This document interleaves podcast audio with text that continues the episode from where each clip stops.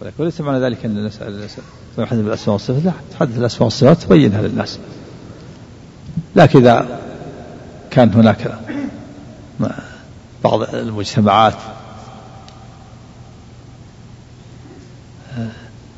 لا لا يعلمون شيئا ولا يفهمون ثم يأتي يحدث بالغرائب ويترك ما يحتاجون إليه في الأمور الواضحة. لا يحدثهم بالأمور الواضحة والغرائب لا يحدثهم بها حتى لا يكون هذا دعاة لتكذيب. نعم. قال وقد كان شيخنا المصنف رحمه الله لا يحب أن يقرأ على الناس إلا ما ينفعهم في أصل دينهم وعبادتهم ومعاملاتهم الذي لا غنى لهم عن معرفته نعم. وينهاهم عن القراءة في مثل كتب الجوزي كالمنعش وكذا. منعش. نعم. قال كالمنعش والمرعش والتبصرة. لما في ذلك من الإعراض عما أوجب عما هو أوجب وأنفع. وفيها ما الله به أعلم مما لا ينبغي اعتقاده والمعصوم من عصمه الله. يعني يكون يقرأ عليه كتب كتب الوعظ وكتب الحكايات والقصص ويترك يعني قراءة الكتب أو تعليمهم ما ينفعهم من أمور دينهم الحلال والحرام والأوامر والنواهي هذا أهم. يكون يترك هذه الأشياء ويقرأ عليه حكايات حكايات وقصص ووعظ ويترك. بيان الحلال والحرام والأوامر والنواهي. نعم. وقد كان أمير المؤمنين معاوية بن أبي سفيان رضي الله عنه ينهى ينهى القصاص عن عن القصص لما في قصصهم من الغرائب والتساهل في النقل وغير ذلك ويقول لا يقص إلا أمير أو مأمور. وقد كان وقد كان وقد كان أمير المؤمنين معاوية بن أبي معاوية بن أبي سفيان نعم. رضي الله عنهما ينهى القصاص عن القصص. لما في قصصهم وفي نعم. قصصهم من الغرائب والتساهل في النقل وغير ذلك. ويقول لا يقص إلا أمير أو مأمور. ما وجه؟ قصص قص يقص. ها؟ قص يقص. قص. باب الصاد فصل القاف. نعم. ارتد على آثارهما قصصا. ها؟ يحتمل الأثر معنى الأثر بالفتح بفتح القاف. يكون الأثر. فارتد على اثارهما قصصا هذا تتبع الأثر. هذا يقص الأثر. هذا نعم. قال وكل هذا محافظة محافظة على لزوم الثبات على الصراط المستقيم علما وعملا ونية وقصدا وترك كل ما كان وسيلة إلى الخروج عنه من البدع ووسائلها. والله الموفق للصواب ولا حول ولا قوة إلا بالله. قال الله عنك قص أثره قصا وقصيصا تتبعه قص الخبر أعلمه فارتد على آثارهما قصصا أي رجع من الطريق الذي سلكاه يقصان الأثر. ونحن نقص عليك أحسن القصص أي نبين لك أحسن البيان. والقاص من يأتي بالقصة والقصة الجصة ويكسر. وفي الحديث حتى ترين القصة البيضاء أي أي ترين الخرقة بيضاء كالقصة جمع قصاص بالكسر. إيش؟ قال عفى الله عنك. حتى ترينه. وفي الحديث حتى ترين القصة البيضاء. نعم. أي ترين الخرقة بيضاء كالقصة. وجمعها قصاص بالكسر. وذو القصة آه، وجمعها بين بين زبالة بين زبالة والشقوق. وماء في أجا آه، لا بس الجمع جمع قصص. جمع قصص جمع قصة وجمع الخبر الخبر يقال له قصص.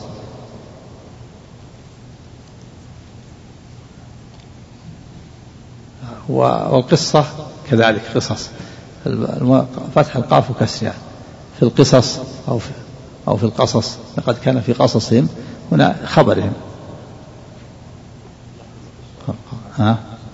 نحن نقص عليك أحسن القصص أحسن الخبر. الأخبار. قصص الأخبار. ويمكن القصة يمكن تجمع على قصص. بس جمع قصة. ما قالوا قصة تجمع على قصص. ما تعرض له يمكن. هذا أول كلام عليه. نعم. نشوف القصة جمعها. جمعها قصص بالكسر أو قصص. بس إذا تعرض القصة نعم. القصة وهي الحكاية تجمع على كذا على قصة. نعم. عليك قال مص...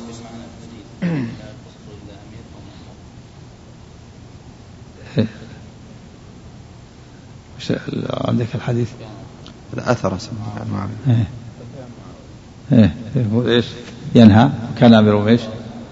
وكان أمير المؤمنين.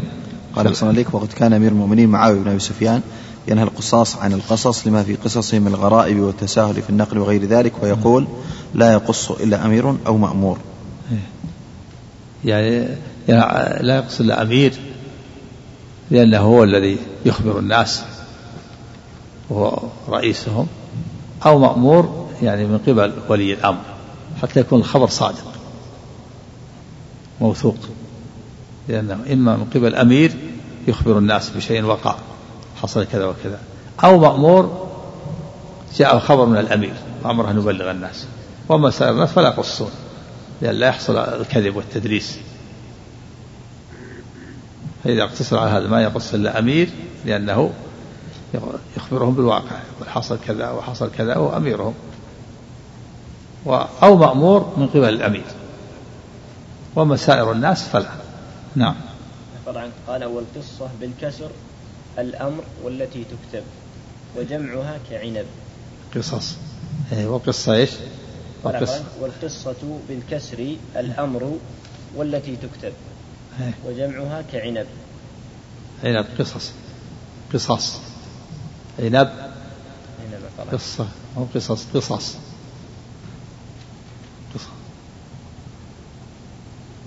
القصة كالأمر يقول؟ يقول والقصة بالكسر الأمر والتي تكتب القصة الأمر والتي تكتب. شو الذي يكتب؟ يعني الحكاية جمعها قصص عنب قصص. إيه. وهذا وهذا يدل على أنه إذا كان الخبر يكون قصص كما في الآية. فالخبر يجمع على قصص وقصة قصص. نعم. قال المصنف رحمه الله نعم. تعالى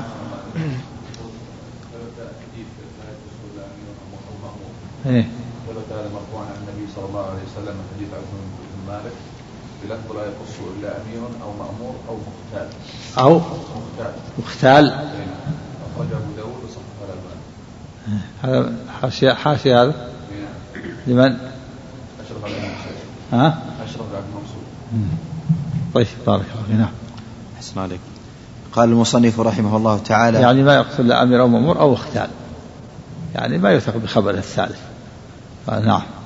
حسن عليك قال المصنف رحمه الله تعالى وروى عبد الرزاق عن معمر عن ابن, عن, عن ابن طاووس عن أبيه عن ابن عباس رضي الله عنهما أنه رأى رجلا انتفض لما سمع حديثا عن النبي صلى الله عليه وسلم في الصفات استنكارا لذلك. فقال ما فرق هؤلاء؟ يجدون رقة عند محكمه ويهلكون عند متشابهه. انتهى. قوله وروى عبد الرزاق هو ابن همام الصنعاني المحدث محدث اليمن صاحب التصانيف. أكثر رواية عن معمر بن راشد صاحب الزهري وهو شيخ عبد الرزاق يروي عنه كثيرا. ومعمر بفتح الميمين وسكون العين أبو عروة بن أبي عمرو راشد الأزدي الحراني ثم اليماني. أحد الأعلام من أصحاب محمد بن شهاب الزهري يروي عنه كثيرا.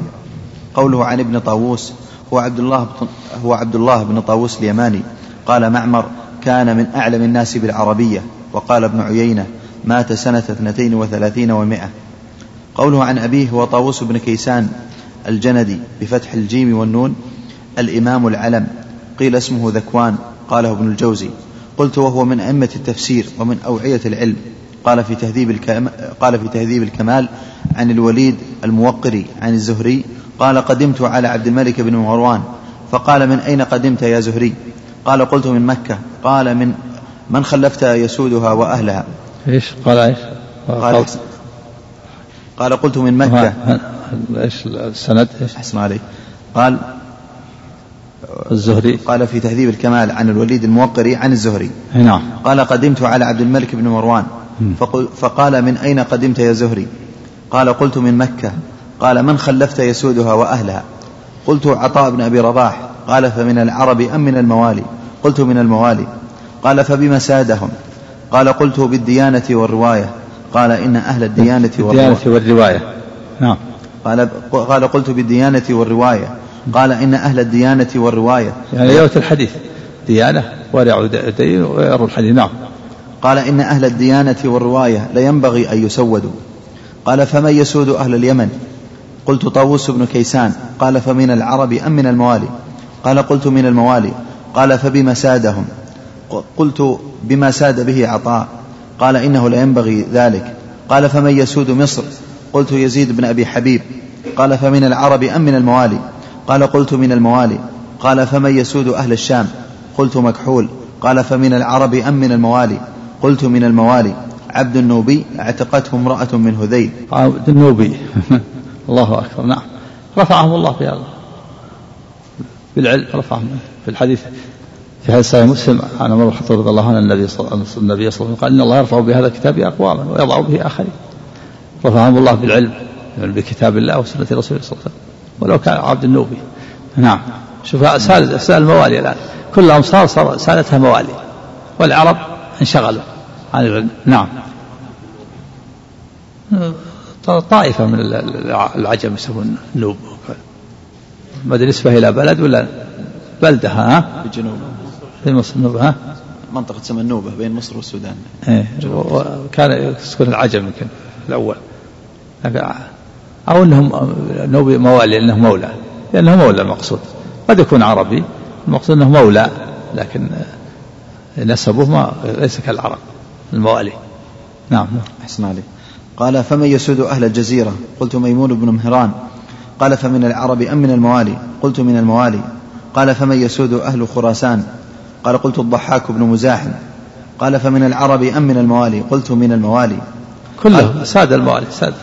العرب انشغلوا وصرفوا عن العلم. نعم. قال فمن الرواية. نعم. نعم. قال فمن يسود أهل البصرة؟ قال قلت الحسن البصري. قال فمن العرب أم من الموالي؟ قال قلت من الموالي. قال ويلك ومن يسود أهل الكوفة؟ قال قلت إبراهيم النخعي. قال فمن العرب أم من الموالي؟ قلت من العرب. قال ويلك يا زهري فرجت عني. والله لا تسودن الموالي على العرب في هذا البلد حتى يخطب لها على المنابر والعرب والعرب والعرب تحتها. قال قلت يا أمير المؤمنين. إيه، فرجت إيه؟ قال فرجت عني. قال ويلك بس واحد بس الكوفة هي صار من العرب والباقي كلهم موالي كلهم صار موالي. فقال إيش؟ أحسن الله قال ويلك يا زهري فرجت عني. والله لا تسودن الموالي على العرب في هذا البلد حتى يخطب لها على المنابر. والعرب تحتها. قال قلت يا أمير المؤمنين إنما هو دين من حفظه ساد ومن ضيعه سقط. صدق رحمه الله. دين من حفظه ساد ومن ضيعه سقط. نعم. أحسن عليك. لا فضل للعربي على العجمي إلا بالتقوى. لا فضل لأحمر على أسود ولا لعربي على عجمي إلا بالتقوى. إن أكرمكم عند الله أتقاكم. الكلام انهم بالتقوى. لا لا بالأنساب ولا بالأحساب. الأنساب والأحساب لا تقدس أصحابه. ولهذا يقول النبي صلى الله عليه وسلم ومن بطأ به نسبه ومن بطأ به عمله لم يسرع به نسبه. يعني إذا تأخر بالعمل السيء تأخر العمل الصالح وكان عمله سيئا لا يلحقه نسبه إلى إلى مصاف السعداء والأتقياء. أبو لهب ما نفعه نسبه الشريف وأبو جهل وبلال ما ضره. كونه حبشي. وصهيب ما ضره كونه رومي. وسلمان ما ضره كونه فارسي. لما كانوا مؤمنين. أتقياء إن أكرمكم عند الله يتقاكم نعم. قوله عن ابن عباس قد تقدم وهو حبر الأمة وترجمان القرآن ودعا له, ودعا له النبي صلى الله عليه وسلم وقال اللهم فقهه في الدين وعلمه التأويل. وروى عنه أصحابه أئمة التفسير كمجاهد وسعيد بن جبير وعطاء بن أبي رباح وطاووس وغيرهم. قوله ما فرق هؤلاء؟ يستفهم من أصحابه يشير إلى أناس ممن يحضر مجلسه من عامة الناس. فإذا سمعوا شيئا من محكم القرآن ومعناه حصل معهم فرق أي خوف. فإذا سمعوا شيئا نعم، يشير يشير يشير. يشير إلى أناس ممن يحضر مجلسه من عامة الناس. فإذا سمعوا شيئا من محكم القرآن ومعناه حصل معهم فرق أي خوف. فإذا سمعوا شيئا من أحاديث الصفات انتفضوا كالمنكرين له فلم يحصل منهم الإيمان الواجب الذي أوجبه الله تعالى على عباده المؤمنين. هو العمل بالمحكم والإيمان بالمتشابه هذا الواجب على المسلم أن يعمل بمحكم القرآن ويؤمن بالمتشابه نعم. ويرد المتشابه إلى المحكم يفسر. نعم. قال الذهبي رحمه الله حدث وكيع عن إسرائيل بحديث إذا جلس الرب على الكرسي فاقشعر رجل عند وكيع فغضب وكيع وقال أدركنا الأعمش وسفيان يحدثون بهذه الأحاديث ولا ينكرونها. أخرجه عبد الله في كتاب الرد على الجهمية. وربما حصل معهم من عدم تلقيه بالقبول ترك, ترك ما وجب به الإيمان به فتشبه حالهم حال من قال الله فيهم. إيش؟ وربما. أحسن الله عليك. قال وربما حصل معهم وربما حصل معهم من عدم تلقيه بالقبول ترك ما وجب من الإيمان به. فتشبه حالهم حال من قال الله فيهم أفتؤمنون ببعض الكتاب وتكفرون ببعض؟ وربما إيش وربما حصل؟ أحسن عليك نعم. وربما حصل معهم نعم. من عدم تلقيه بالقبول نعم. ترك ما وجب من الإيمان به. فتشبه حالهم حال من قال الله فيهم أفتؤمنون ببعض الكتاب وتكفرون ببعض؟ فلا يسلم من الكفر إلا من عمل بما وجب عليه في ذلك من الإيمان بكتاب الله كله واليقين. نعم. كما قال تعالى هو يعني الذي الواجب على الإنسان الإيمان والعمل يؤمن به ويعمل. أمران إذا ترك الإيمان هذا جحود وكفر وإذا ترك العمل كذلك هذا إباء واستكبار. إيش ربما إيش حصل؟ قال وربما حصل معهم. من عدم تلقيه بالقبول ترك ما وجب من الإيمان به. إيه، فيكون هذا من باب الإباء والاستكبار. نعم. فتشبه حالهم حال من قال الله فيهم أفتؤمنون ببعض الكتاب وتكفرون ببعض؟ فلا يسلم من الكفر إلا من عمل بما وجب عليه في ذلك من الإيمان بكتاب الله كله واليقين. نعم. لا بد من الإيمان بكتاب الله كله واليقين ثم العمل. نعم. كما قال تعالى هو الذي أنزل عليك الكتاب منه آيات محكمات هن أم الكتاب وأخر متشابهات. فأما الذين في قلوبهم زيغ فيتبعون ما تشابه منه ابتغاء الفتنة وابتغاء تأويله وما يعلم تأويله إلا الله. والراسخون في العلم يقولون آمنا به كل من عند ربنا وما يذكر إلا أولو الألباب. فهؤلاء الذين ذكرهم ابن عباس رضي الله عنهما تركوا ما وجب عليهم من الإيمان بما لم يعرفوا معناه من القرآن. وهو حق لا يرتاب فيه مؤمن. إيش؟ فهذا فهؤلاء. أحسن عليك. قال فهؤلاء الذين ذكرهم ابن عباس رضي الله عنهما يقول ما فرق هؤلاء؟ يجدون دقة عند محكم ويهلكون مشابه نعم.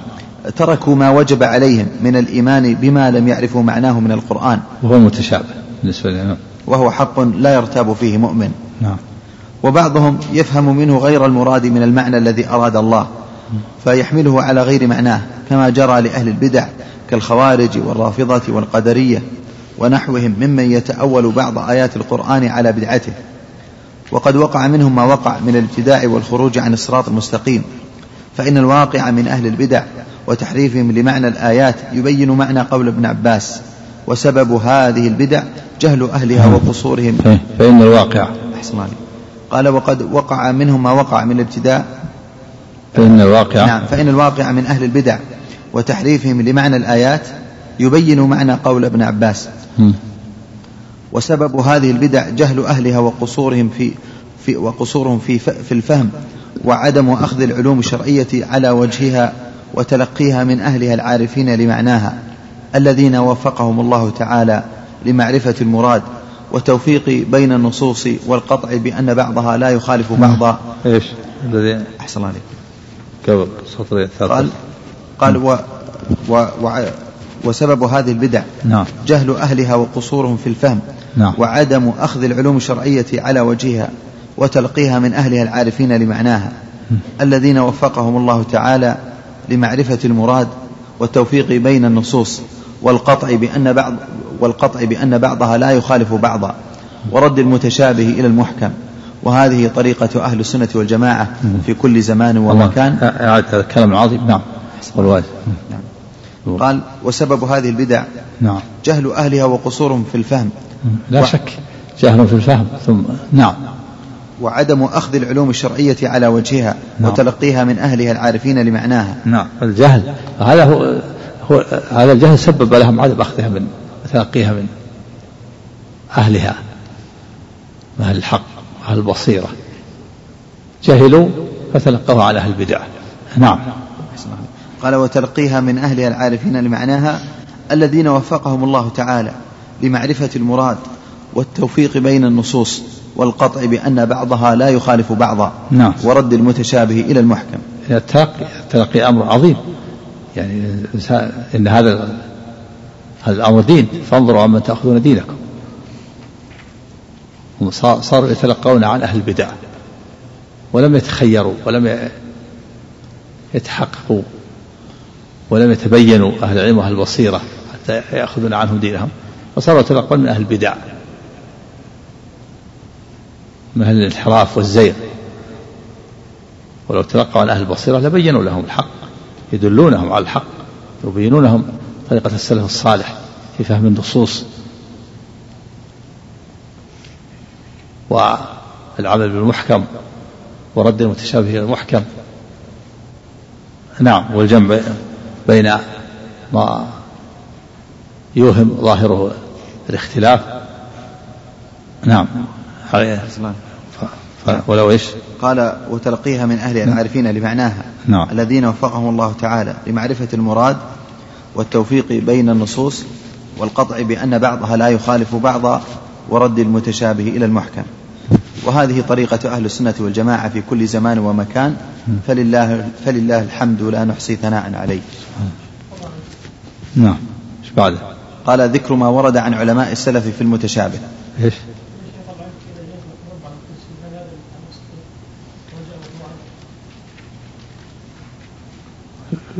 وش قال عن إيش؟ عن ابن عباس؟ حد حدث فيه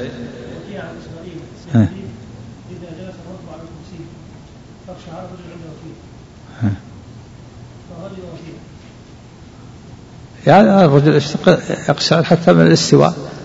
لكن هذا يحتاج إلى ثبوت. بس عن إسرائيل يحتاج إلى ثبوت. السلام ضعيف في الحاشية. قال حديث الجلوس ضعيف. قول وكيع صحيح وحديث الجلوس ضعيف وكيع عن وكيع بس عن وكيع وكيع عن إسرائيل بس نعم بس وذكر بقية السند لا إيه. ها؟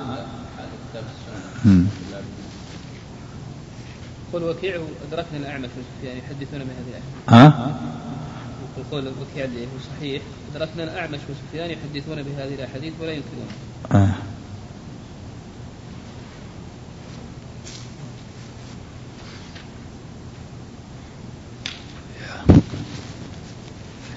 بس هنا ما ذكر يعني بس يحدثون بهذه الأحاديث لكن ما نسبوها يعني ما رفعوها لنا. ما ذكر إنها مرفوعة. أو حديث الصفات على العموم. ها؟ أو حديث الصفات على العموم. لا إذا ثبت ثبت نعم. نعم. قال أحسن إليك ذكر ما ورد عن علماء السلف في المتشابه. قال في الدر المنثور أخرج الحاكم وصححه عن ابن مسعود رضي الله عنه عن النبي صلى الله عليه وسلم قال كان الكتاب الأول ينزل من باب واحد على حرف واحد. طويل بقي صفحتين أصلا. بركة سم.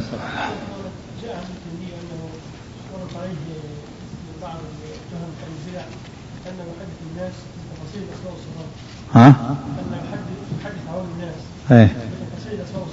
إيه فقال ابن تيميه نحن نحدث الناس في تفاصيل الاسماء والصفات ولكن نحدثهم باجمال فهذا كلام فقال لا نحدثهم. إيه. إن صح عنه يكون على ما جاء عن علي حدث الناس بما يعرفون. إن صح عن هذا. ها؟ نعم.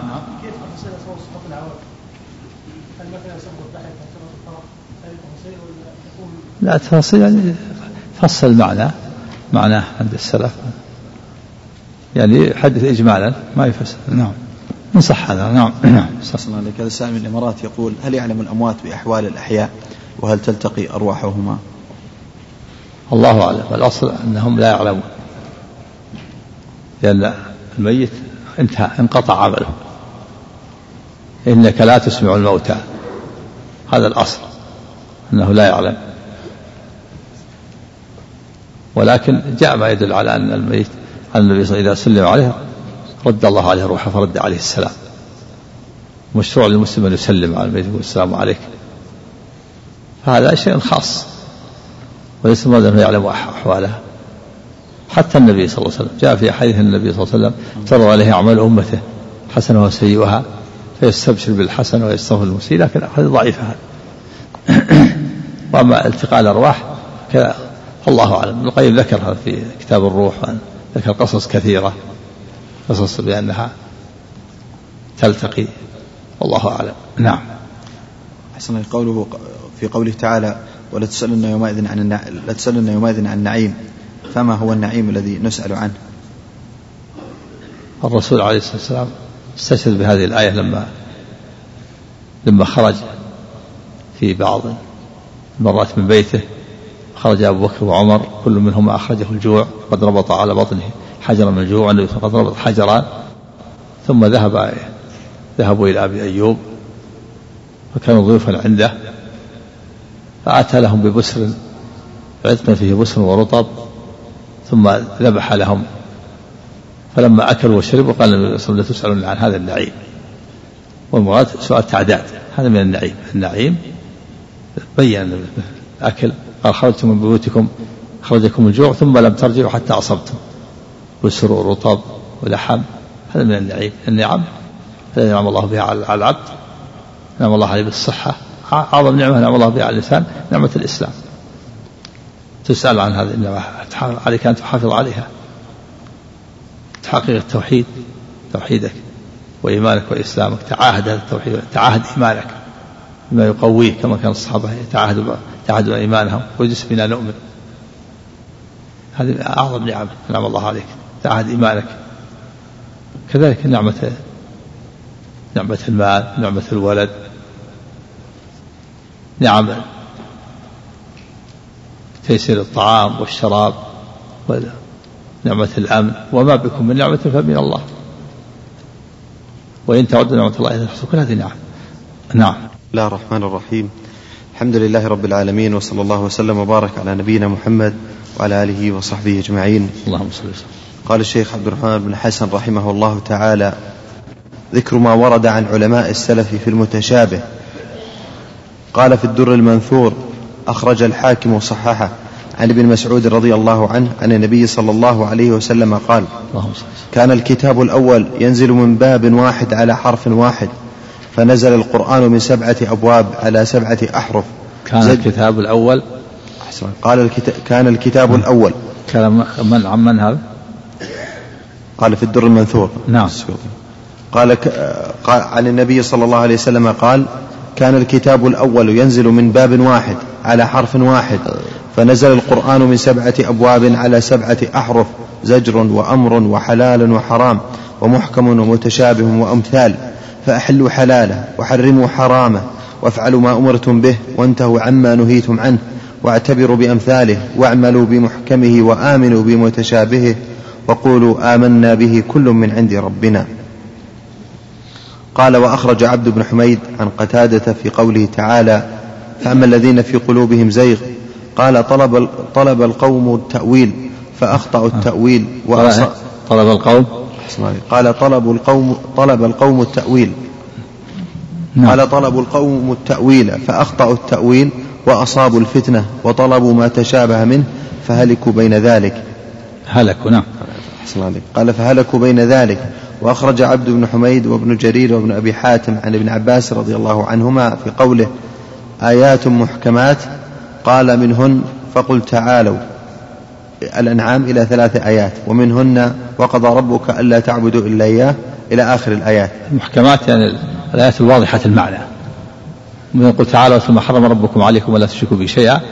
الآيات الثلاث من آخر سورة الأنعام اللي فيها الوصايا العشر. ألا تشركوا بشيء وبالوالدين إحسانا ولا تقتلوا أولادكم من إملاق. عشر وصايا. ومنه وقضى ربك ألا تعبدوا إلا إياه وبالوالدين إحسانا. أمر الله بالعباد بتوحيده. وأمر بالبر بإحسان الوالدين. ثم بعد ذلك الوصايا. كل هذه من المحكمات الآيات المحكمات. والآية المتشابه هي التي يشتبه معناها على بعض الناس. نعم. أحسن عليكم. قال وأخرج ابن جرير من طريق أبي مالك عن أبي صالح عن ابن عباس رضي الله عنهما وعن مرة عن ابن مسعود رضي الله عنه وناس من الصحابة المحكمات الناسخات التي يعمل بهن والمتشابهات المنسوخات. وأخرج عبد بن حميد وابن جرير وابن أبي حاتم عن إسحاق بن سويد أن يحيى بن يعمر وأبا فاختة تراجع هذه الآية هن أم الكتاب. فقال أبو فاختة هن فواتح السور منها يستخرج القرآن ألف لام ميم ذلك الكتاب. منها استخرجت البقرة وألف لام ميم الله لا إله إلا هو. منها استخرجت آل عمران وقال يحيى هن اللاتي فيهن الفرائض والأمر والنهي والحلال والحرام والحدود وعماد الدين. وأخرج ابن جرير عن محمد بن جعفر بن الزبير قال محكمات حجة الرب وعصمة العباد ودفع الخصوم والباطل وليس فيها تصريف ولا تحريف عما وضعت عليه. وأخر متشابهات في الصدق لهن, لهن تصريف وتحريف وتأويل ابتلى الله فيهن العباد كما ابتلاهم في الحلال والحرام. لا يصرفن إلى الباطل ولا يحرفن عن الحق. وأخرج ابن أبي حاتم عن مقاتل بن حيان إنما قال هن أم الكتاب لأنه ليس من أهل دين لا يرضى بهن. وأخر متشابهات يعني فيما بلغنا ألف لام ميم وألف لام ميم صاد وألف لام ميم راء. قلت وليس في هذه الآثار ونحوها ما يشعر بأن أسماء الله تعالى وصفاته من المتشابه وما قاله النفاة من أنها من المتشابه دعوى بلا برهان. نعم أسماء الله وصفاته محكمة ليست متشابهة. معناها واضح. الاستواء معناها العلو والارتفاع العلم ضد الجهل السمع ضد الصمم البصر ضد العمى محكمة. الله تعالى أمر بتدبر القرآن كله لكن الكيفية هي التي غير معلومة لنا.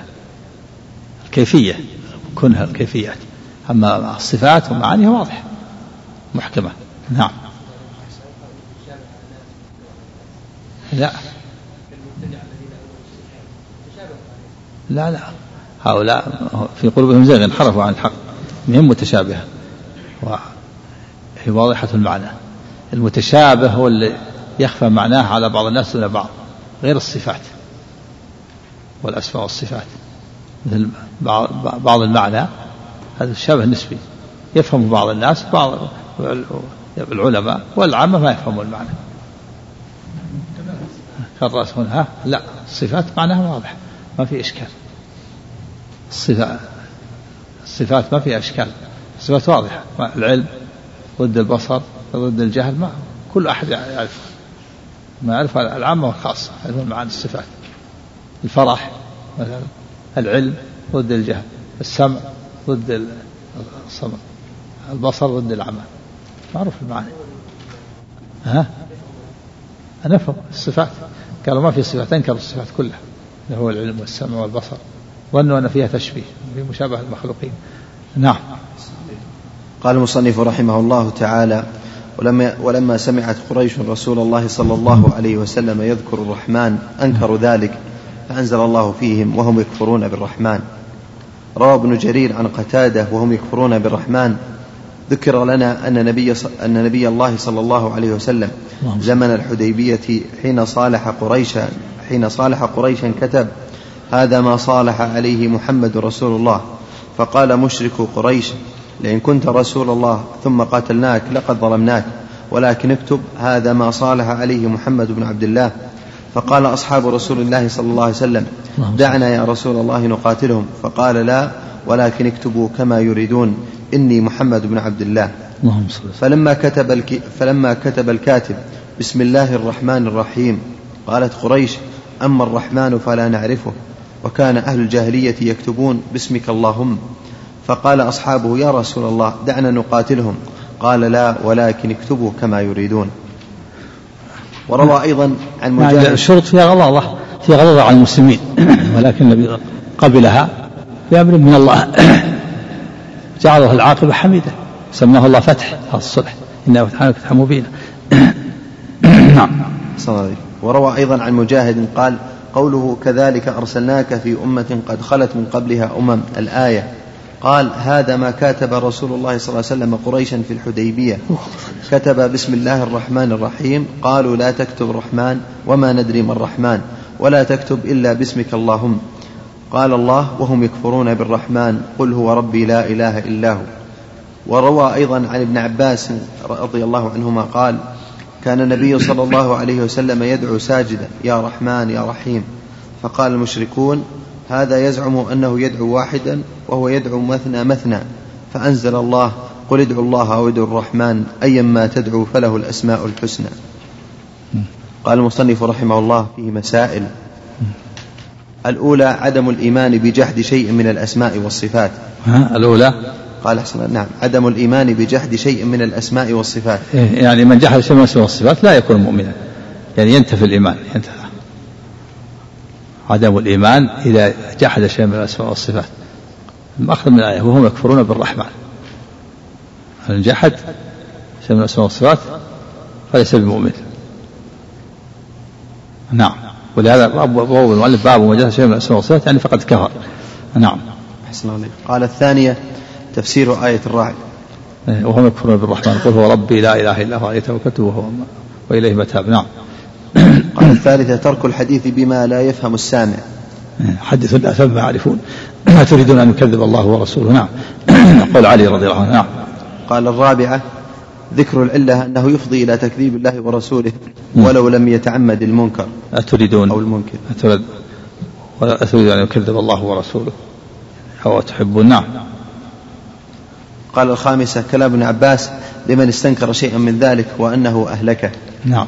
يعني ما فرقه لا يجدون رقة عند محكمه ولا يكون عند متشابه وأنه هلك وأنه هلك. قول ابن عباس إيش؟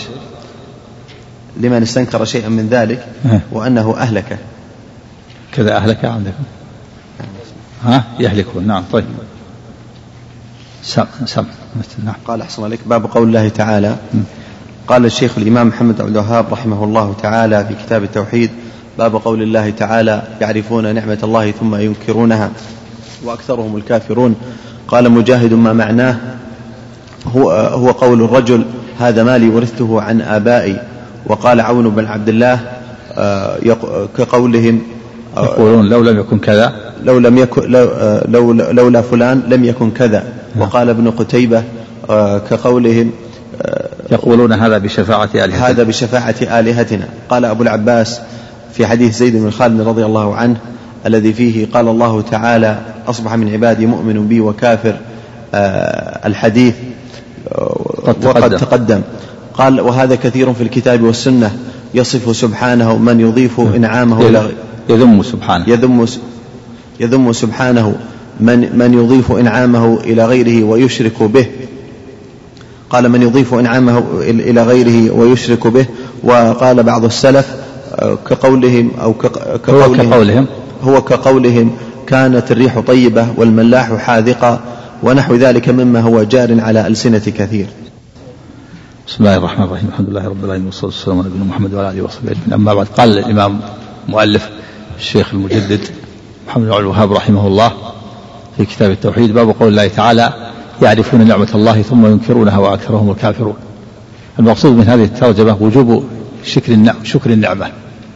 وجوب شكر النعمة بالاعتراف بها في القلب واللسان وعدم جحودها وإنكارها ونشرها بين الناس واستعمالها في طاعة الله ومرضاته. مقصود وجوب شكر النعمة بالاعتراف بها بالقلب واللسان. والتحدث بها ونشرها بين الناس واستعمالها في مرضاة الله وطاعته. وهذه هي أركان الشكر ثلاثة الاعتراف بالقلب والتحدث بها باللسان واستعمالها بالجوارح في في طاعة الله ومرضاته. والله تعالى ذم المشركين قال يعرفون نعمة الله ثم ينكرونها وأكثرهم الكافرون. فجمعوا بين الأمرين بين النقيضين يعترفون بنعمة الله ولكنهم يجحدونها. فلا فلا يتحدثون بها ولا ينشرونها ولا يستعملونها في طاعة الله. مع معرفتهم واعترافهم بأن النعمة من الله. قال تعالى وما بكم من نعمة فمن الله. قال سبحانه وإن تعدوا نعمة الله لا تحصوها. يعرفون نعمة الله ثم ينكرونها يجحدونها وأكثرهم الكافرون وهذا فجمعوا بين النقيضين. يعرفون بقلوبها أنها من الله ثم يجحدونها وينسبونها إلى غيره.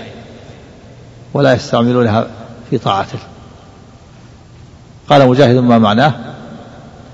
هو قول الرجل هذا مالي ورثته عن آبائي. هذا تفسير الآية قال مجاهد يقول معناها هو قول الرجل هذا مالي ورثته عن أبائي. هذا مثال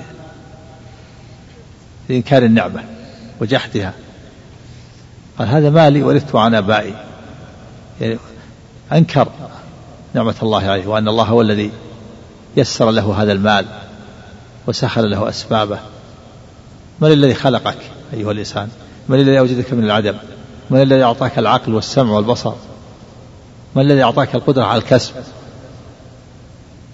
فكيف تنكر نعمة الله وتقول هذا مالي ورثته عن أبائي؟ ورثته عن أب عن جد. أنكر فضل الله وأنكر نعمة الله وأن الله يسر له الأسباب. هذا من إنكار النعمة. هذا مثال. والسلف يذكرون أمثلة لتفسير الآية وليس المراد الحصر. وقال عون بن عبد الله يقولون لولا فلان لم يكن كذا. هذا مثال أيضا مثال لإنكار النعمة. نسبة النعمة إلى إلى الأسباب إلى السبب ولسان المسبب وهو الله سبحانه لولا فلان لم يكن كذا. لولا فلان ما حصلت على الوظيفة. لولا فلان ما حصلت على كذا على المال. لولا فلان ما حصلت على البيع البيعة الفلانية. لولا فلان ما حصلت على السيارة. أضاف النعمة إلى السبب فلان سبب جعل الله سبب. لكن نسيت المسبب وهو الله. من الذي يسر لك الأسباب؟ من الذي حرك قلب هذا فلان حتى يبيع عليك السلعة؟ أو حتى يعطيك كذا وكذا؟ أو حتى يستجيب لما لما طلبت؟ هذا من إنكار النعمة قال عمرو بن عبد الله يقولون هو كقول رجل لولا فلان لم يكن كذا. يعني يسند النعمة إلى السبب وينسى المسبب وهو الله. ينسى موليها. وقال قتيبة يقولون هذا بشفاعة آلهتنا. وهذا بشفاعة آلهتنا. هذا فيه إنكار النعمة ونسبتها إلى السبب وفيه مع الشرك بالله عز وجل. وهذا بشفاعة آلهتنا. الآلهة لا تشفع. والله تعالى لا يشفع عنده أحد. قال من ذا الذي يشفع عنده إلا بإذنه؟ حتى نبينا صلى الله عليه وسلم أوجه الناس لا يشفع يبدأ بالشفاعة أول حتى يأذن الله له. فكيف بالآلهة؟ الآلهة أبعد فيه عن الشفاعة. الآلهة لا تشفع هذا من الشرك. وهم جمعوا بين الشرك وبين نسبة النعمة إلى إلى غير الله. أنكروا نعمة الله وأشركوا مع الله. الآلهة لا تشفع. الآلهة باطلة.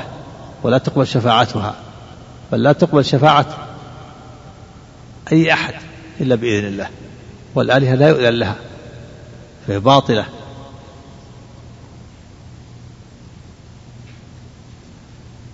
والمشركون ليس لهم شفاعة فما تنفعهم شفاعة الشافعين؟ والله لا يأذن إلا لأهل التوحيد. الشفاعة لا بد فيها من شرطين إذن الله للشافع أن يشفع ورضاه عن المشفوع له. والله تعالى لا يرضى إلا التوحيد فلا يرضى على المشرك فلا يشفع له فالآلهة أبعد شيء عن الشفاعة. وهم جمعوا بين إنكار النعمة والشرك بالله عز وجل. قال أبو العباس ابن تيمية رحمه الله أبو العباس هو شيخ الإسلام أحمد بن عبد الحليم بن عبد السلام الحراني كنته أبو العباس. قال بعد الحديث زيد بن خالد الذي فيه أن النبي أنه قال صلى بنا رسول الله صلى الله عليه وسلم صلاة الحديبية على إثر سماء من الليل. صلى بنا رسول الله صلاة الصبح بالحديبية الحديبية على حدود الحرم من جهة جدة يسمى الآن الشميسي. وهو المكان الذي نزل فيه النبي صلى الله عليه وسلم وصده المشركون عن دخول مكة السنة السادسة من الهجرة. والشميسي الآن على حدود الحرم. صلى بهم النبي صلى الله عليه وسلم صلاة الصبح على إثر سماء من الليل مطر يعني وقد مطر تلك الليلة. فأقبل قال فأقبل علينا بوجهه النبي صلى الله عليه وسلم وقال أتدرون ماذا قال ربكم الليلة؟ قل الله ورسوله أعلم. قال أصبح من عبادي مؤمن بي وكافر. فأما من قال مطرنا بفضل الله ورحمته فذلك مؤمن بي كافر بالكوكب. وأما من قال مطرنا بنوء كذا وكذا فذلك كافر به مؤمن بالكوكب. والشاهد من الحديث أن من قال مطرنا بالنجم الفلاني فهو كافر بالله حيث نسب النعمة إلى غير الله. وهو إن اعتقد أن للنجم تأثيرا في إنزال المطر فهذا كفر أكبر وشرك في الربوبية. وإن اعتقد أن المنزل المطر هو الله ولكن الكوكب سبب فهو شرك الأصغر. فهذا هذا الحديث حديث بن خالد الجهني فيه في إنكار النعمة. ونسبتها إلى النجوم. والله تعالى لم يجعل النجم سببا في إنزال المطر. فهذا فيه إنكار النعمة مع الشرك. قال شيخ الإسلام ابن تيمية رحمه الله تعليقا على هذا الحديث. ومثل هذا كثير في الكتاب والسنة يذم سبحانه وتعالى من يضيف إنعامه إلى غيره ويشرك به. يعني مثل حديث زيد بن خالد.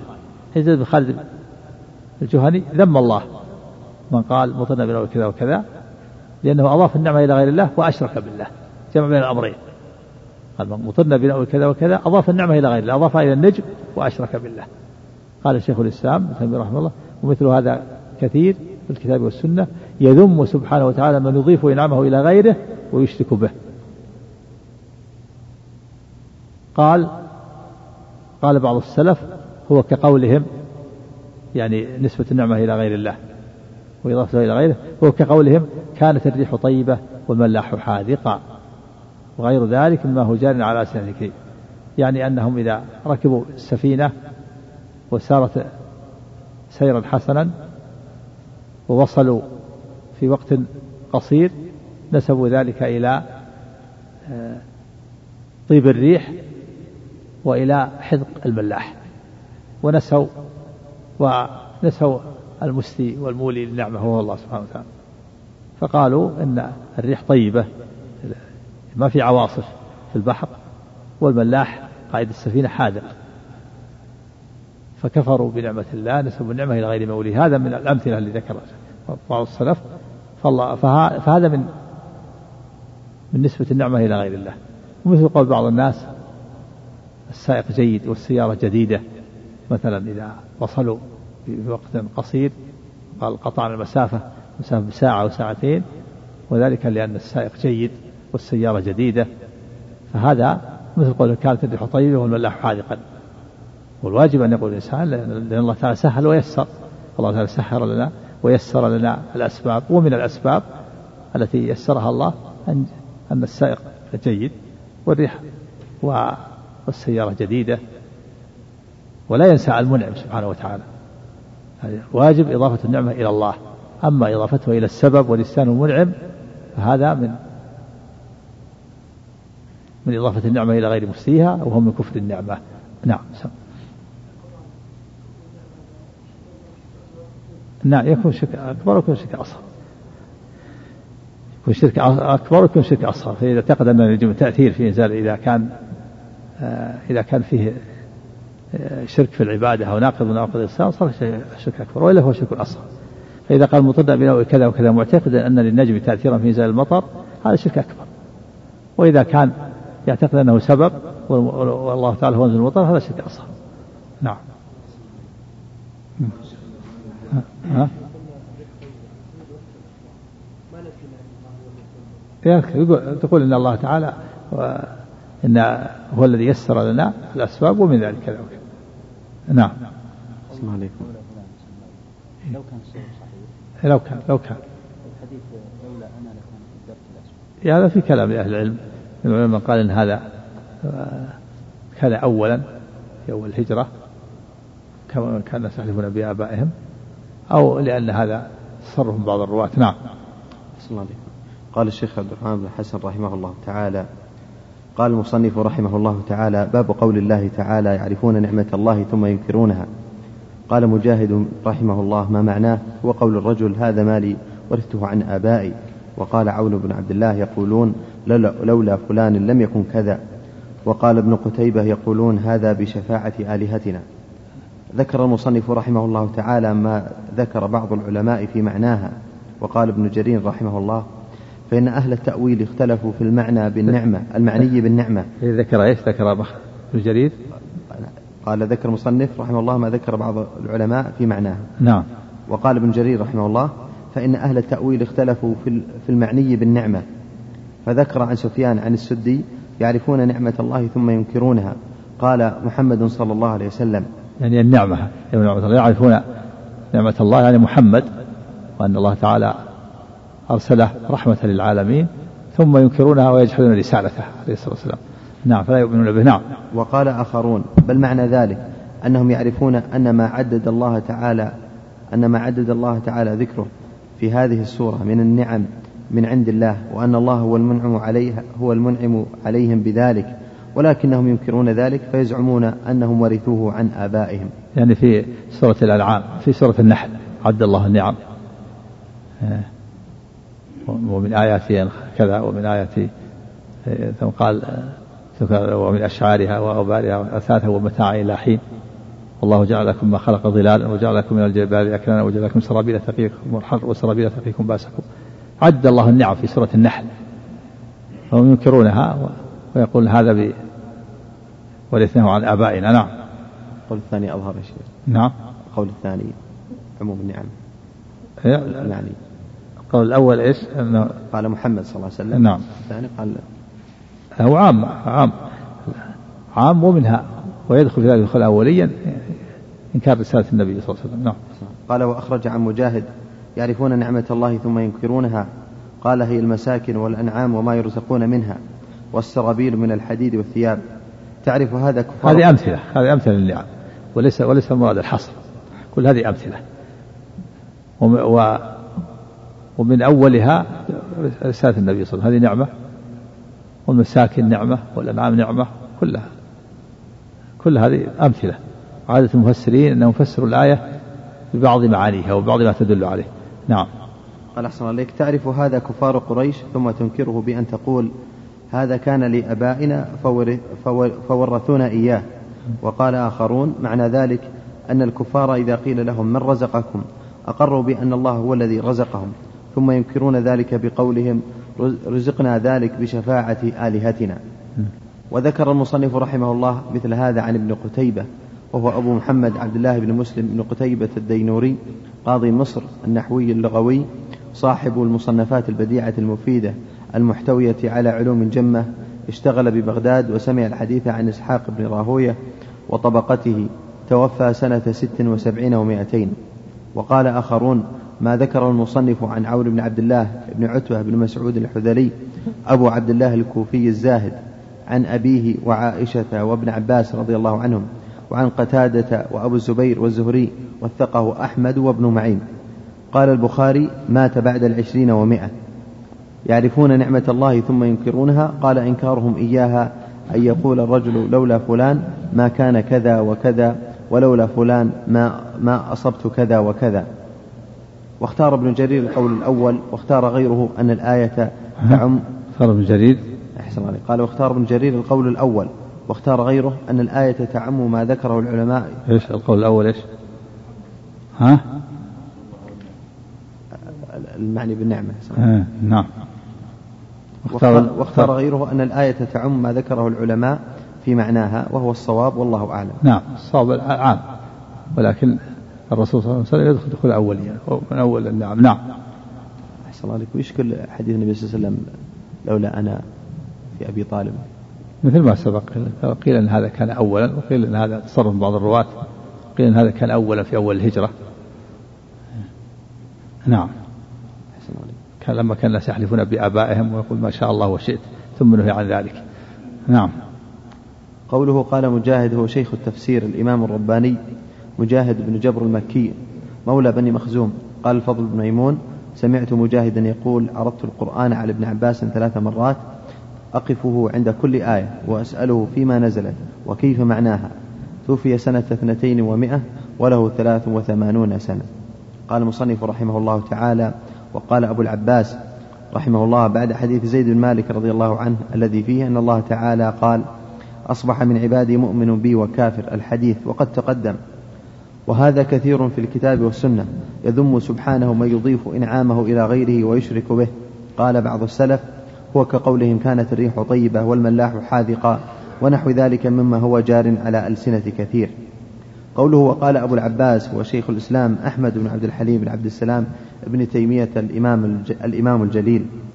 بعد حديث زيد بن خالد وقد تقدم في باب ما جاء في الاستسقاء بالأنواع. قال وهذا كثير في الكتاب والسنة. يذم سبحانه من يضيف إنعامه إلى غيره ويشرك به. قال بعض السلف هو كقولهم كانت الريح طيبة والملاح حاذقا ونحو ذلك مما هو جار على ألسنة كثير انتهى. وكلام شيخ الإسلام يدل على أن حكم هذه الآية عام فيما نسب النعم إلى غير الله الذي أنعم بها. في من نسب؟ نعم. هذا هو الصواب أن الآية عامة. نعم. وكلام شيخ الإسلام. قال وكلام شيخ الإسلام يدل على أن حكم هذه الآية عام في من نسب النعم إلى غير الله الذي أنعم بها وأسند أسبابها وأسند وأسند أسبابها إلى غيرها. نعم أسند أسبابها مثل لولا فلان لم يكن كذا. هذا إسناد السبب إلى غيره نعم. كما يقول لولا أن كان في الذكر هذا كان أولا. في أول الهجرة كان الناس يقول ما شاء الله وشئت. وكانوا يحلفون بآبائهم. وكانوا يقولون لولا كذا لحصل ثم جاء النهي بعد ذلك. قال لا تحلفوا بآبائكم ولا بالأنداد. وقال لا تقولوا ما شاء الله وشئت ونهي عن قال لولا كذا لم يكن كذا. نعم. أحسن عليك. قال وأسند أسبابها إلى غيره. ذلك حديث ابن عباس في, في الأنداد. لا تدعوا الله أندادا وأنتم تعلمون. قال هو كقول الرجل لولا فلان ولا كان كذا لولا كلبة هذا لا اللصوص ولولا البط في الدار لا اللصوص سيأتي بعد الباب هذا إن شاء الله. نعم. أحسن عليك. قال في من نسب النعمة إلى غير الله الذي أنعم بها وأسند أسبابها إلى غيره كما هو مذكور في كلام المفسرين المذكور بعضه هنا. قال شيخنا رحمه الله تعالى وفيه اجتماع الضدين في القلب وتسمية هذا الكلام إنكارا للنعمة. قال إيش؟ قال شيخنا رحمه الله تعالى إيه. وفيه اجتماع الضدين في القلب. اجتماع الضدين الشكر والكفر في القلب. الإيمان والكفر يعترف يعرفون ثم ينكرون. معرفة هذا إيمان تصديق والإنكار هذا كفر. اجتماع الشكر والكفر أو الإيمان والكفر. اجتماع الضدين في القلب. نعم. وتسمية هذا الكلام إنكارا للنعمة. نعم. حينما ينكر ويجحد إنكار. نعم. قال المصنف رحمه الله في مسائل الأولى تفسير معرفة النعمة وإنكارها. نعم. معرفة معرفتها بالقلب وإنكارها بعدم جحودها وعدم ذكرها باللسان. وعدم استعمالها في طاعة الله. نعم.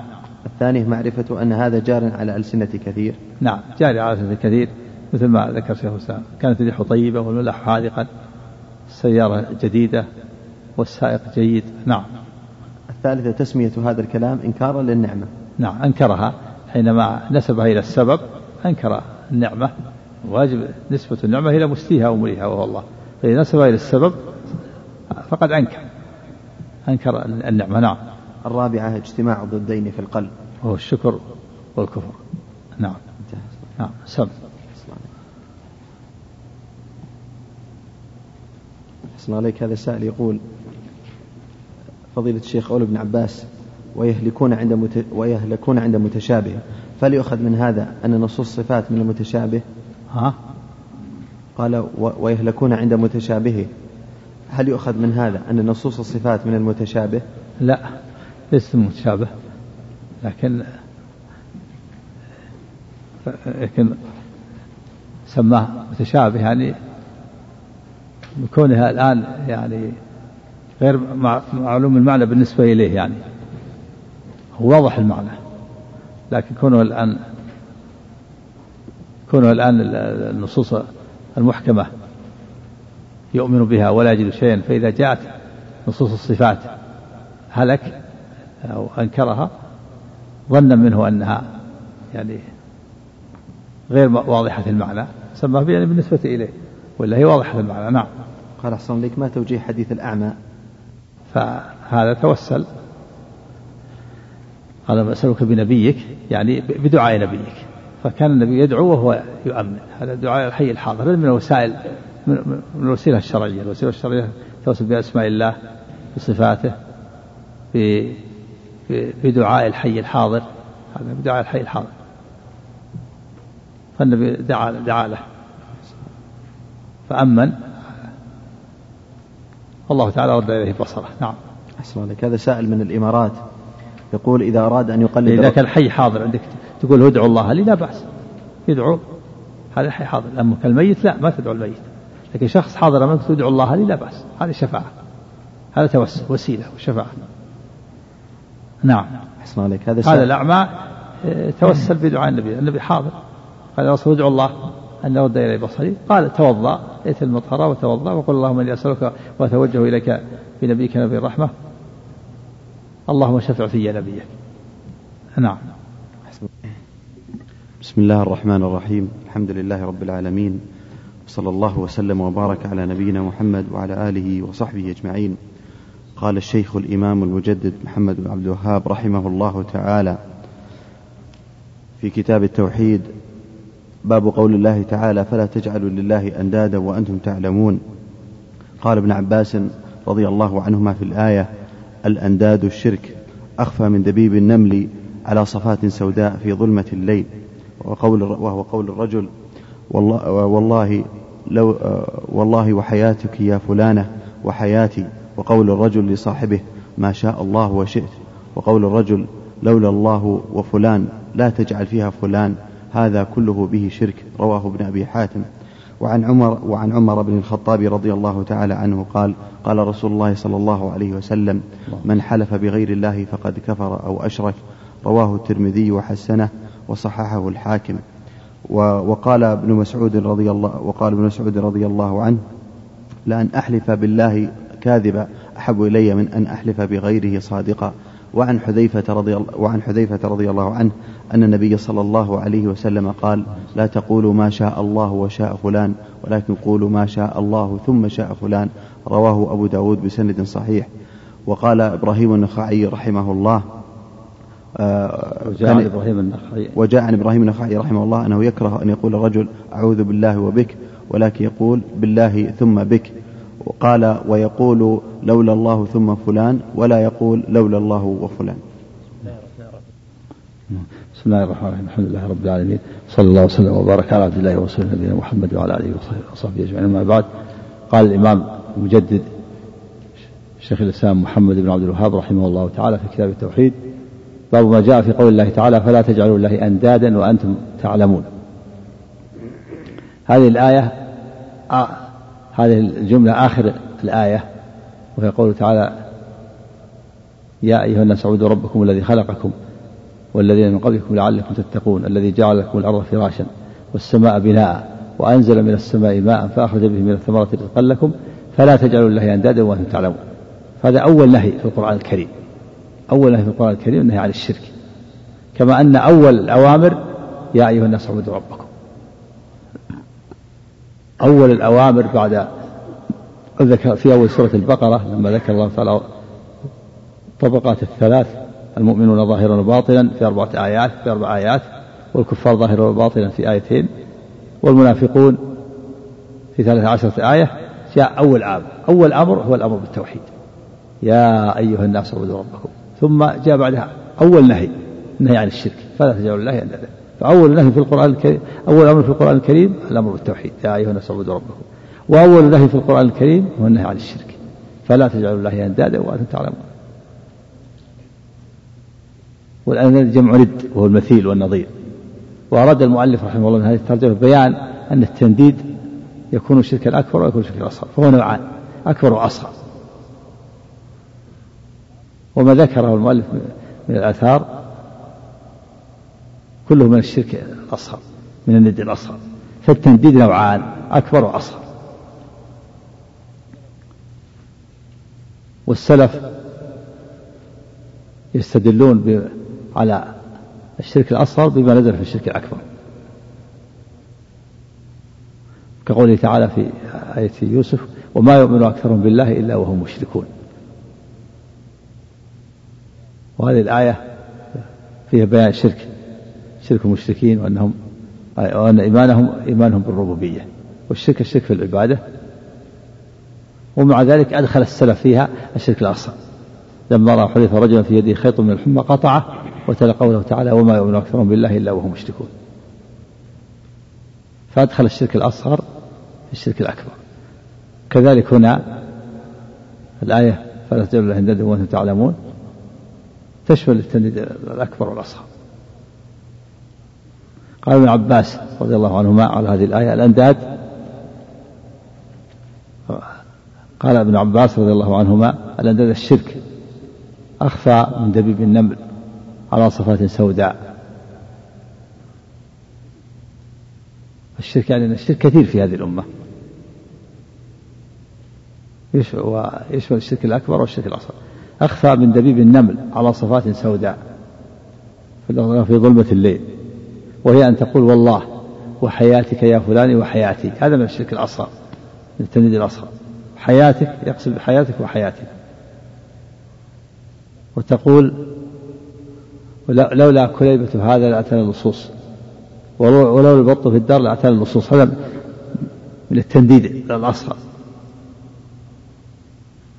لولا كليبة هذا لأتانا اللصوص يعني إسناد الأشياء إلى أسباب والذي لولا الله ثم لولا البط في الدار لأتانا اللصوص وقول الرجل لصاحبه ما شاء الله وشئت تشريك بين الخالق والمخلوق في المشيئة بالواو هذا من التنديد. وقول الرجل لولا الله وفلان كذلك. عطف عطف آه، المخلوق الخالق. لا تجعل فيها فلان هذا كله به شرك. ابن عباس رضي الله عنه بين أن أن هذه الأمور تدخل في التنديد الأصغر والحلف بغير الله وحياتك ولا وحياتي. كذلك إسناد الأشياء إلى أسبابها. مع قطع النظر عن عن المسبب وهو الله. لولا كلبة هذا كليبة جمع كلبة إذا تنبح تنبح بمن يمر. فإذا جاء اللص نبحت فجاء صاحبها. لولا كلبة هذا ولولا كليبة هذا لأتى اللصوص ولو البط في الدار لأتى اللصوص. وقال الرجل لصاحبه ما شاء الله وشئت. تشريك بين الخالق والمخلوق. وقال الله الرجل لولا الله وفلان. لا تجعل فيها فلانا هذا كله به شرك. رواه ابن أبي حاتم. هذه كلها من التنديد الأصغر. الحلف بغير الله آه، عطف مشيئة الخالق على المخلوق إسناد الأشياء إلى السبب. ولسان المسبب كل هذا من الشرك. التنديد الأصغر وعن عمر بن الخطاب رضي الله عنه أن النبي صلى الله عليه وسلم قال من حلف بغير الله فقد كفر أو أشرك. رواه الترمذي وحسنه وصححه الحاكم. الحديث فيه فيه أن الحلف بغير الله شرك. اختلف في قوله حلف بالله فقد كفر أو أشرك. قيل الواو بمعنى أو بمعنى أو والمعنى فقد كفر وأشرك وقيل أنها شك من الراوي. من حلف بغير فقد فيه أن الحلف بغير الله شرك. وذلك الحلف بالله الحلف تعظيم والتعظيم لا ينبغي أن يكون إلا لله عز وجل. قال ابن مسعود رضي الله عنه لا أن أحلف بالله كاذبا أحب إلي من أحلف بغيره صادقا. وذلك لأن الحلف بالله توحيد والحلف بغيره شرك. فإذا حلف بالله فقد وحد الله. وإن كان معه سيئة الكذب. أما إذا حلف بغيره فقد أشرك. وإن كان معه حسنة الصدق. فحسنة التوحيد أقوى من حسنة الصدق وسيئة الشرك أشد من سيئة الكذب. فهذا الحلف بالله كاذبا معه حسنة التوحيد ومعه سيئة وهي سيئة الكذب. أما الحلف بغير الله صادقا معه الشرك وإن كان معه حسنة الصدق. فالحلف بالله كاذبا توحيد الحلف بالله وإن كان معه سيئة الكذب. أما الحلف بغيره صادقا هذا شرك. وإن كان معه حسنة الصدق. وعن حذيفة رضي الله عنه أن النبي صلى الله عليه وسلم قال لا تقولوا ما شاء الله وشاء فلان ولكن قولوا ما شاء الله وشاء فلان. رواه أبو داود بإسناد صحيح. هذا الحديث فيه النهي التشريك بين الخالق والمخلوق بالواو في المشيئة. لا تقولوا ما شاء الله وشاء فلان ولكن قولوا ما شاء الله ثم شاء فلان. التشريك بين الخالق والمخلوق بالمشيئة بالواو ممنوع لأن الواو لمطلق الجمع وهي لا تقضي ترتيبا ولا تقديما ولا تأخيرا. بخلاف قال ما شاء الله ثم شئت فإن فإن عطف العطف في المشيئة بثم تفيد التراب الترتيب والتراخي وأن مشيئة المخلوق لا تأتي إلا بعد مشيئة الله. وتراخية عنه أما الواو فإنها لمطلق الجمع والتشريك فلهذا في هذا الحديث لا تقول لا تقول ما شاء الله ثم شاء فلان ما لا تقول ما شاء الله وشاء فلان ولكن قولوا ما شاء الله ثم شاء فلان ثم لا محذور فيها. وجاء عن إبراهيم النخعي أنه يكره أن تقول أعوذ بالله وبك ويجوز بالله ثم بك. يعني لا يكره والمراد بالكراهة كراهة التحريم هنا. المراد بالكراهة كراهة التحريم. وابراهيم إبراهيم النخعي. بن يزيد النخعي. تابعي صغير. فيقول يجوز يكره يجوز أن تقول بالله ثم بك. ويكره أن تقول بالله وبك. لماذا؟ عبر بالكراهة من باب الورع. التورع. وإلا فالمراد بالكراهة من كره التحريم. جاء عن إبراهيم النخعي أنه يكره أن تقول أعوذ بالله وبك لأن لأن الواو تقصد تشريك والجمع مطلق الجمع. ويجوز أن أقول بالله ثم بك لأن ثم تفيد التراخي والترتيب. تكون مشيئة المخلوق بعد بعد مشيئة الخالق. قال ويقول قال ويقول لولا الله ثم فلان. ولا تقول الله وفلان. يعني يقول لولا الله ثم فلان عطفت. عطفت المخلوق بالمشيئة بثم. وتقول لولا الله قال ويقول أنت لولا الله ثم فلان. ولا تقول لولا الله وفلان والفرق بينهما ظاهر لأن ثم تفيد الترتيب والتراخي. وأما الواو فإنها لمطلق الجمع والتشريك ولا تفيد تقديما ولا تأخيرا. نعم لو قال لولا فلان أشهد إلى أمر في إي نعم. هذا فيه الخلاف. يقول لولا أن لولا أنا لما سئل عن أبي طالب قال إن أبي طالب يحميك وينصرك. فهل نفعت؟ قال نعم. لولا أنا أخرجت إلى غمرات من نار يغلي منها دون ولولا أنا لكان في الدرك الأسفل من النار. بعضهم قال إن قيل يحتمل أن هذا تصرف من بعض الرواة ويحتمل أنه جائز أن هذا يجوز لهذا السبب لكن تركه أولى تركه أفضل. هو يجوز لوروده ولكن تركه أفضل للنهي عنه كما في حديث ابن عباس تقول الله فلان يكون النهي محمول على التنزيه. وهذا محمول على الجواز. نعم. ابن القيم بالميمية لولاهم ما كان في الأرض مسلم. نعم. من هذا الباب. نعم. لا. توكل خاص بالله. نص العلماء على التوكل نوعان. توكل على غير الله نوعان. يكون شرك أكبر هو التوكل على غير الله فيما لا يقدر عليه إلا الله. توكل على الأموات والطواغيت في جلب الرزق دفع الضر. والثاني توكل على الحي الحاضر القادر وهذا شرك الأصغر أيضا.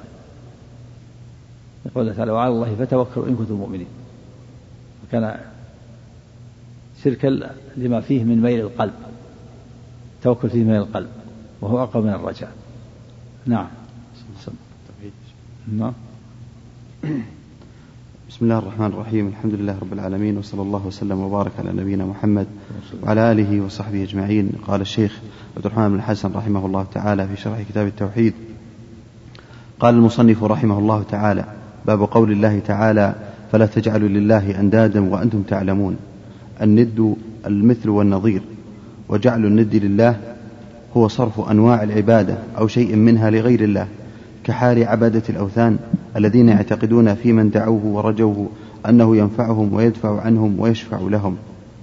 وهذه الآية وهذه الآية في سياق قوله يا أيها الناس اعبدوا ربكم الذي خلقكم والذين من قبلكم لعلكم تتقون الذي جعل لكم الأرض فراشا والسماء بناء وأنزل من السماء ماء فأخرج به من الثمرات رزقا لكم فلا تجعلوا لله أندادا وأنتم تعلمون.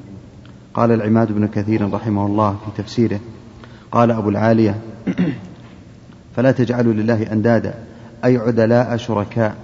وهكذا قال الربيع بن أنس وقتادة والسدي وأبو مالك وإسماعيل بن أبي خالد وقال ابن عباس رضي الله عنهما فلا تجعلوا لله أندادا وأنتم تعلمون أي لا تشركوا بالله شيئا من الأنداد التي لا تنفع ولا تضر.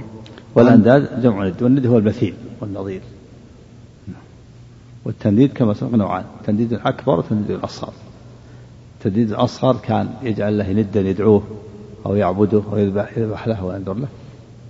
والتنديد الأصغر كان يحلف به بغير يحلف به يجعل ندا يحلف به أو يشركه مع خالق المشيئة بالواو. نعم. أحسن. قال رضي الله عنه لا تشركوا بالله شيئا من الأنداد التي لا تنفع ولا تضر وأنتم تعلمون أنه لا رب لكم يرزقكم غيره. وقد علمتم أن الذي يدعوكم الرسول إليه من توحيده هو الحق الذي لا شك فيه.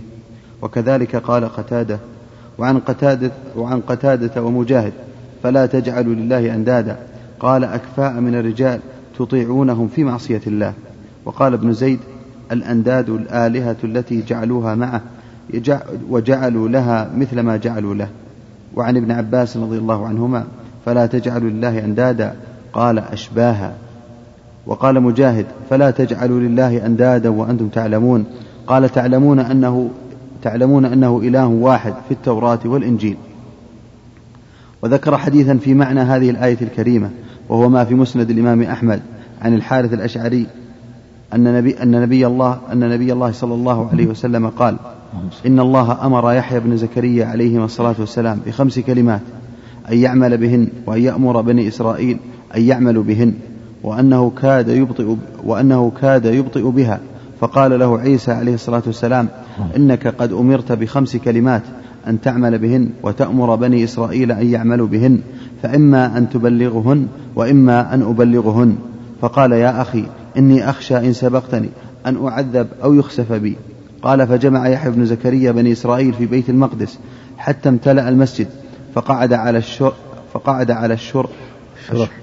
فقعد على الشرف فحمد الله وأثنى عليه ثم قال إن الله أمرني بخمس كلمات أن أعمل بهن وآمركم أن تعلم أن تحملوا قال عندي تعلموا لعل تعلم. تعلم نعم. وآمركم أن تعملوا بهن أولاهن أن تعبدوا الله ولا تشركوا به شيئا فإن مثل ذلك فإن مثل فإن مثل. مثل ذلك كمثل رجل اشترى عبدا من خالص ماله بذهب أو ورق فجعل يعمل ويؤدي غلته إلى غير سيده فأيكم يسره أن يكون, عب أن يكون عبده كذلك؟ وإن الله خلقكم ورزقكم فاعبدوه ولا تشركوا به شيئا. وآمركم بالصلاة فإن الله ينصب وجهه لوجه عبده ما لم يلتفت فإذا صليتم فلا تلتفتوا. وآمركم بالصيام فإن مثل ذلك كمثل رجل معه صرة مسك في عصابة كلهم يجد ريح كل- كلهم يجد ريح المسك. وإن خلوف فم الصائم أطيب عند الله من ريح المسك. وآمركم بالصدقة فإن مثل ذلك كمثل رجل أسره العدو فشدوا, فشدوا يديه إلى عنقه وقدموه ليضربوا عنقه. فقال لهم هل لكم, هل لكم أن أفتدي نفسي منكم؟ فجعل يفتدي نفسه بالقليل والكثير حتى فك نفسه. وآمركم بذكر الله تعالى كثيرا فإن مثل ذلك كمثل رجل طلبه العدو سراعا سراعا في أثره. فأتى حصنا حصينا فتحصن فيه وإن العبد أحصن ما يكون من الشيطان إذا كان في ذكر الله. قال وقال رسول الله صلى الله عليه وسلم اللهم صل. وأنا أمركم بخمس الله أمرني بهن. الجماعة والسمع والطاعة والهجرة والجهاد في سبيل الله. فإنه من خرج مع فإنه من خرج من الجماعة قيد شبر فقد خلع ربقة الإسلام من عنقه إلا أن يراجع. ومن دعا بدعوة الجاهلية فهو من ومن دعا بدعوى الجاهلية فهو من جثي جهنم. قالوا يا رسول الله وإن صلى وصام؟ قال وإن صلى وصام. وزعم أنه مسلم. فادعوا المسلمين بأسمائهم بل سماهم الله عز وجل المسلمين المؤمنين عباد الله. هذا حديث حسن والشاهد منه في هذه الآية قوله وإن الله خلقكم ورزقكم فاعبدوه ولا تشركوا به شيئا. وهذه الآية دالة على توحيد الله تعالى بالعبادة وحده لا شريك له وقد استدل بها كثير من المفسرين على وجود الصانع وهي دالة على ذلك بطريق الأولى. والآيات في القرآن الدالة على هذا المقام كثيرة جدا. وسئل أبو نواس عن ذلك فأنشد تأمل في نبات الأرض وانظر إلى آثار ما صنع المليك عيون من لجين فأتراب بأحداق هي الذهب السبيك على قضب الزبرجد شاهدات بأن الله ليس له شريك. وقال ابن المعتز فيا عجبا كيف يعصى الإله؟ أم كيف يجحده؟ أم كيف يجحده الجاحد؟ وفي كل شيء له آية تدل على أنه واحد. قال المصنف رحمه الله تعالى وعن ابن عباس رضي الله عنهما أحسن الله عليكم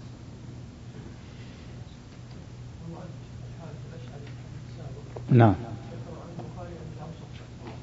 الحارث نعم. له صحبة؟ طيب. مش عندك الحارث الأشعري أن النبي الله في حديث الطويل السابق في مسند. نعم. الحارث أن النبي الله صلى الله عليه وسلم. نعم. إيه. نعم. فيكون مرفوع. نعم. أحسن الله عليكم. هذا سائل يقول يا شيخ حفظكم الله ما هو الضابط في الجمع بين الصلوات في حال هطول المطر؟ إذا كان المطر مطر قوي يؤذي يبل الثياب هذا عذر عذر في الجمع بين الصلاتين. أما إذا كان ما في مطر والأسواق ما فيها دحر يختلف باختلاف ال- الأحياء. بعض الأحياء يكون فيها طين تؤذي الناس ما قال ابن عباس كرهت أن أن أحرجكم فتدوسوا الطين إلى ركبكم. لكن صارت الشوارع مزفلتة ولا فيها كذا نزل المطر زال وله تصريف. الحمد لله ما في داعي له ثم الناس أيضا لا ينحبسون. الناس يذهبون ويخرجون. نادر. وإذا وجد وإذا وجد عدد قليل أو كبار السن مع الصديق هذا معذور يصلي في بيته. المقصود أنه ما ينبغي التساهل. بعض الناس يتساهلون. حتى يذكر بعض الناس أنهم مجرد ما يرى الغيم يجمع. بعضهم لو لو نقط خفيفة. تساهل من بعض الناس. هذا من العجائب في هذا الزمن. هذا الزمن فيه بعض الناس معه جرأة. مثل بعض الناس في المؤسسات الخيرية عندهم جرأة. يأخذون الزكاوات ويتركونها. يجعلها سنة سنتين. يصرفونها على كيفهم. وبعض الناس يأخذ يأخذ أموال الناس ويجعلها كذا ويشغلها. المقصود بعض الناس عندهم جرأة في هذا الزمن عجائب بعض الناس. بعض الشباب وإن كانوا يعني يزعمون أنهم متدينين لكن عندهم تساهل. عندهم تساهل وجرأة في بعض الأمور. فلا ينبغي الإنسان يتجرأ ولا ينبغي الإنسان بعض الأئمة لا يبالي أبدا. يجمع على كيفه على مزاجه. ولا ولا يكون هناك عذر. لذلك سمعنا قصص كثيرة من هذا. نعم بعض كذلك يتجرأ ويجمع بين الظهر والعصر. وهو طالب علم أو أو أقل من طالب علم. ويرى أنه أنه يجتهد. نعم. نعم. الأصل الظهر والعصر أخف. إذا وجد أه. العلة إذا وجد مطر قوي. ال- ال- ال- المذهب ال- عليه الفتوى أنه بين العشاءين فقط. آه. بين العشاء بعد المغرب والعشاء لأن فيه يجتمع الظلم مع هذا. ما ينبغي يفتح الباب لهذا. هذا وقعت أشياء وقعت أمور ما ينبغي للإنسان يجتهد من نفسه. يكون مع مع الناس. ويكون مع مع, مع الأئمة مع مع لا يخالف مع الفتوى يكون مع على ما عليه الناس وعلى ما عليه الفتوى. نعم. بسم الله الرحمن الرحيم. الحمد لله رب العالمين وصلى الله وسلم وبارك على نبينا محمد وعلى آله وصحبه أجمعين. قال الشيخ عبد الرحمن بن حسن رحمه الله تعالى في شرح باب قول الله تعالى فلا تجعلوا لله أندادا وأنتم تعلمون قال المصنف رحمه الله تعالى وعن ابن عباس رضي الله عنهما في الآية الأنداد هو الشرك أخفى من دبيب النمل على صفات سوداء في ظلمة الليل وهو أن تقول والله وحياتك يا فلانة وحياتي وتقول لولا كلية هذا لأتانا اللصوص ولولا البط في الدار لأتانا اللصوص وقول الرجل لصاحبه ما شاء الله وشئت وقول الرجل لولا الله وفلان لا تجعل فيها فلان هذا كله به شرك رواه ابن أبي حاتم. بين ابن عباس رضي الله عنهما أن هذا كله من الشرك وهو واقع اليوم على ألسن كثير ممن لا يعرف التوحيد ولا الشرك. نعم وهو من الشرك الأصغر. تنديد نوعان كما سبق. تنديد أكبر وهذا الشرك الأكبر. وتنديد أصغر هذا من التنديد الأصغر. حلف بغير الله؟ قل لا والله أنت ما إلا الله أنت. الإسناد الأشياء الأسباب. هذا من الشرك الأصغر. نعم. أحسن عليك. قال وهو, وهو الواقع اليوم على ألسن كثير ممن لا يعرف التوحيد ولا الشرك. فتنبه لهذه الأمور فإنها من المنكر العظيم الذي يجب النهي عنه والتغلي- والتغليظ فيه لكونه أكبر من الكبائر. وهذا من وهذا ابن عباس رضي الله عنهما تنبيه بالأدنى من الشرك على الأعلى. نعم. تنبيه على الآية فلا تجعل الله أندادا. أصلا في الشرك الأكبر. ولكن يدخل فيها الشرك الأصغر. تعم بعمومها ابن عباس مثل بالشرك الأصغر مثل بالأدنى تحذيرا من الأعلى. نعم. أحسن الله عليك. قال المصنف رحمه الله تعالى وعن عمر بن الخطاب رضي الله عنه أن رسول الله صلى الله عليه وسلم قال من حلف بغير الله فقد كفر وأشرك. رواه الترمذي وحسنه وصححه الحاكم. قوله فقد كفر وأشرك يحتمل أن يكون شكا من الراوي. ويحتمل أن تكون أو بمعنى واو الواو فيكون قد كفر وأشرك ويكون من الكفر الذي هو دون الكفر الأكبر كما هو من الشرك الأصغر. ورد مثل هذا عن ابن مسعود بهذا اللفظ. نعم لا شك أنه من الشرك الأصغر. نعم. قال المصنف رحمه الله تعالى وقال ابن مسعود رضي الله عنه لأن أحلف بالله كاذبا أحب إلي من أن أحلف بغيره صادقا. ومن المعلوم أن الحلف بالله كاذبا من الكبائر لكن الشرك لكن الشرك أكبر من الكبائر. وإن كان أصغر. نعم فهو يقارن بين الحلف بالله كاذبا والحلف بغيره صادقا. الحلف بالله لا نحلف بالله كاذبا أحب إلي من نحلف بغيره صادقا. فإذا حلف بالله كاذبا وموحدا وحد الله وعظم الله. لكن وقع في سيئات الكذب. وإذا حلف بغيره صادقا وقع في الشرك وإن كان مع حسنة الصدق.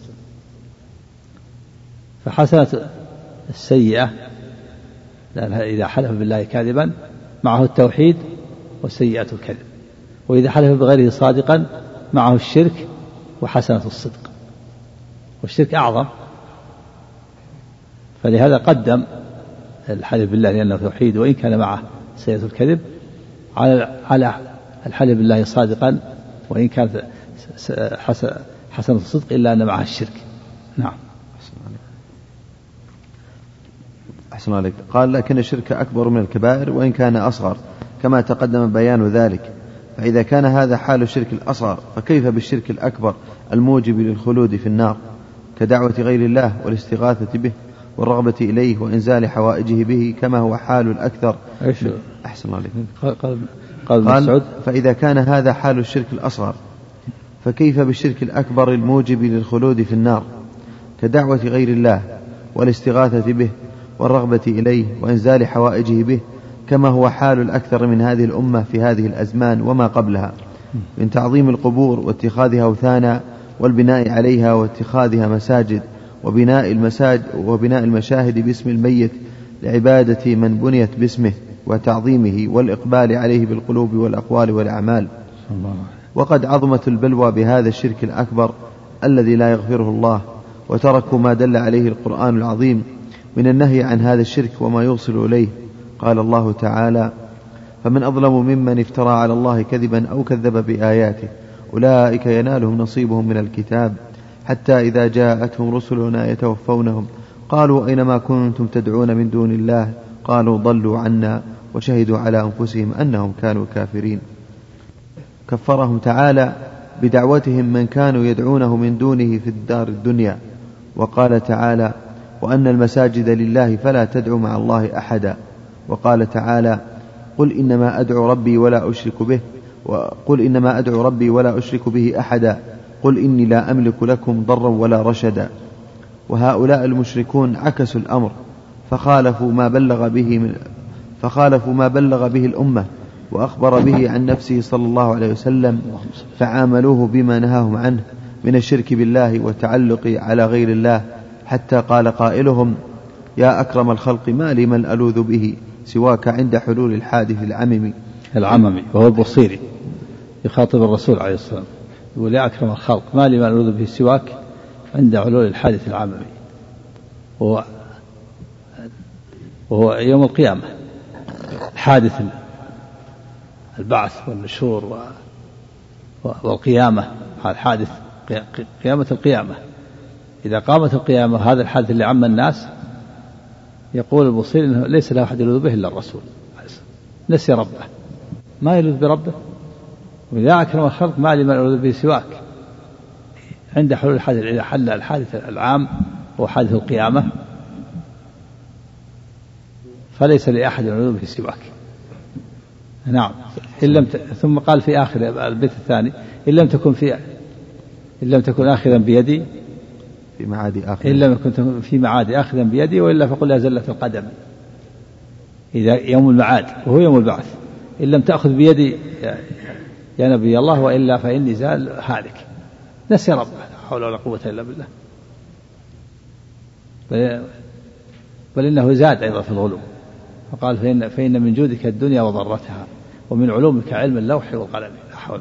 من من جودك يا محمد الدنيا وضرتها الآخرة. يعني أنت يا محمد تملك الدنيا والآخرة. ما ما بقي لله؟ ما بقي شيء لله. إذا كان الرسول يملك الدنيا والآخرة إيش بقي لله؟ أعوذ بالله. فإن من جودك الدنيا من جودك من كرمك يا محمد الدنيا وضرتها الآخرة.